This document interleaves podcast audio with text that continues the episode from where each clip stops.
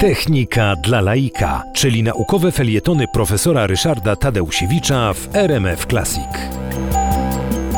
Stanisław Pigoń y, to polonista, bardzo znany, bardzo ceniony polonista.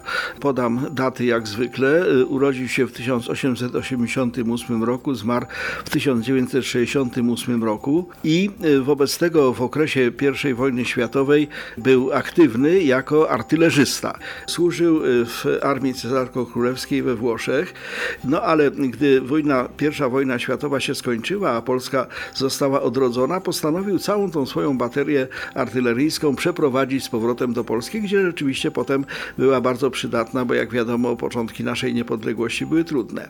Czesi usiłowali go zatrzymać, ale po prostu odprzodkował działa i powiedział, że albo wywalczy sobie dojście do Polski, no albo, albo nie. Natomiast y, dzięki, a właściwie na skutek y, tej, tej artyleryjskiej kariery, Stanisław Pigoń był głuchawy. Nawet powiedziałbym bardzo miał osłabiony słuch, y, więc y, jak studenci y, opowiadali, tam powiedzmy odpowiadali na jego pytania, y, to y, on bardzo często no, słuchał, ale żeby się lepiej wsłuchać, to zamykał oczy.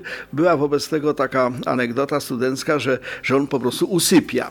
No więc pewien student przychodząc na egzamin do profesora Pigonia, sądząc, że rzeczywiście profesor opuszcza głowę, zamyka oczy i śpi, no dostał trudne pytanie ten student, nie dał sobie z nim rady. Wobec tego sądząc, że profesor drzemie nie słucha, zamiast odpowiedzi zaczął recytować Ojcze Nasz. Tymczasem profesor y, Pigoń, jak y, ten student skończył, otworzył oczy i powiedział tak, a na zdrowaś Mario zgłosi się pan już po wakacjach. Lufa!